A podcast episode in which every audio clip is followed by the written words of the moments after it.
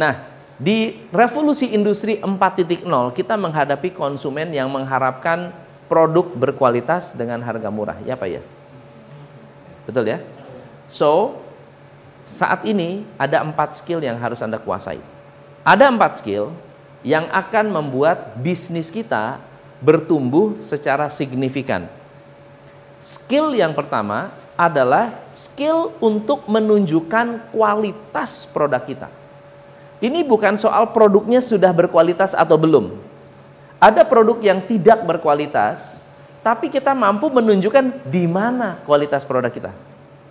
Ada produk yang sudah berkualitas, tetapi orangnya nggak tahu cara nunjukin kualitasnya. Betul ya? Akhirnya tetap nggak laku. Ada tas mahal. Kenapa tas? Tas branded itu mahal. Karena dia bisa kasih tunjuk di mana letak high quality-nya. Dan akhirnya bahkan di endorse oleh orang yang berkualitas juga. Dipakai oleh desainer yang berkualitas. Sehingga persepsi quality itu tidak bentrok dengan tim di lapangan. Nah, pertanyaannya adalah bagaimana atau apa yang kita miliki, quality apa yang kita miliki yang customer tuh nggak tahu yang customer nggak paham, customer nggak ngerti, customer taunya cuma cuci, cetak foto, as simple as that. Dia nggak tahu kita pakai mesin apa, dia nggak tahu uh, foto kita akan tahan berapa lama, dia nggak tahu chemical yang kita pakai seperti apa, karena dia pikir apa yang dilakukan Star Studio dengan apa yang dilakukan cuci, cuci cetak foto di pinggir jalan itu as equal, itu sama. Ya, satu itu. Semua perusahaan besar yang hari ini besar karena punya kemampuan menunjukkan di mana kualitas mereka meskipun tidak berkualitas dalam tanda kutip.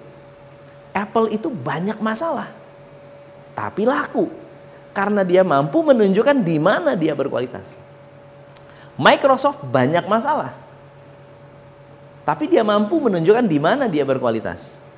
Jadi, saya hanya mau menyampaikan bahwa tidak ada satu produk pun yang sempurna.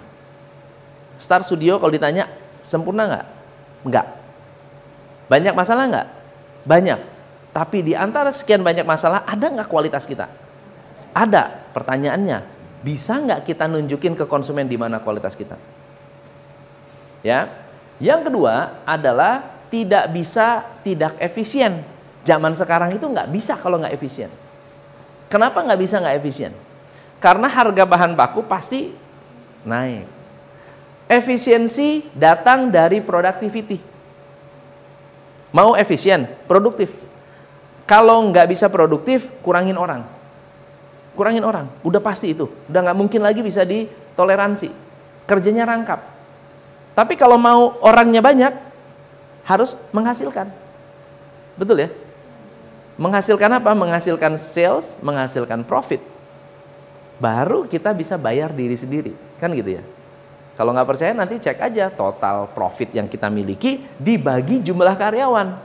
Kalau profit kita 100, kita bayar karyawan 100, berarti karyawan kita nggak belum menghasilkan apa-apa. Karena minimum karyawan menghasilkan enam kali profit. Ya, yang wajar. Tiga kali itu oke. Ya empat kali good, enam kali the best. Gitu, minimum yang kita harus kejar. Kalau satu banding satu berarti ya pada dasarnya kita belum menghasilkan apa-apa. Jadi profit kita basically habis untuk bayar karyawan plus 50-50. Jadi kayak 50-50 sama perusahaan kan gitu ya. Masuk akal nggak? Kebayang nggak? Kalau saya punya satu karyawan, misalnya saya punya satu karyawan ya, penjualan 100 juta, cost kita 90 juta, sisa 10 juta. Betul nggak? Betul ya? Gajinya Nuni 5 juta. Betul ya? Berarti saya cuma bisa menikmati 5 juta. Betul ya? Ini 50-50 dengan kita. Sama aja kita 50-50 dengan karyawan. Is it worth it atau tidak? Nah, kalau nggak worth it, dia harus menghasilkan lebih. Kenapa? Karena resiko kita, resiko karyawan adalah 5 juta berbanding resiko yang kita keluarkan untuk perusahaan ini ada nggak? Berapa? Berapa investasinya? Investasinya? Ah betul, baju, sepatu, itu investasinya, betul ya? Ongkos dan seterusnya. Katakan 5 juta investasinya. Ini satu bulan gaji udah BEP. Perusahaan dia keluar satu miliar. Kenapa karyawan harus menghasilkan lebih? Karena perusahaan harus mengembalikan investasi yang memungkinkan kita tanpa modal dapat gaji. Ngerti maksudnya ya? Kenapa harus melakukan itu? Karena kita harus mikir, perusahaan udah keluar 1 M, kita ini gratis. Asal tukar waktu kita dapat duit tiap bulan. Kalau nggak ada perusahaan, nggak ada kita, kan gitu ya kira-kira. Dalam dalam uh, apa namanya bahasa kasarnya seperti itu.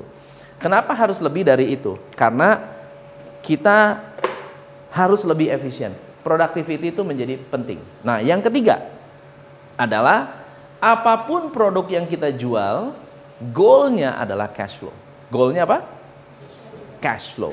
Nah, untuk membuat tiga hal ini bisa jalan, kita butuh apa? Leadership. So, sebelum kita lanjut, gimana? Belajar sesuatu nggak? Masuk akal? Masuk akal ya? Ini belum masuk ke, ke, ke nanti kita kerucutnya di, leadership Kita nggak bahas yang tiga ini, kita fokus ke yang 4.0.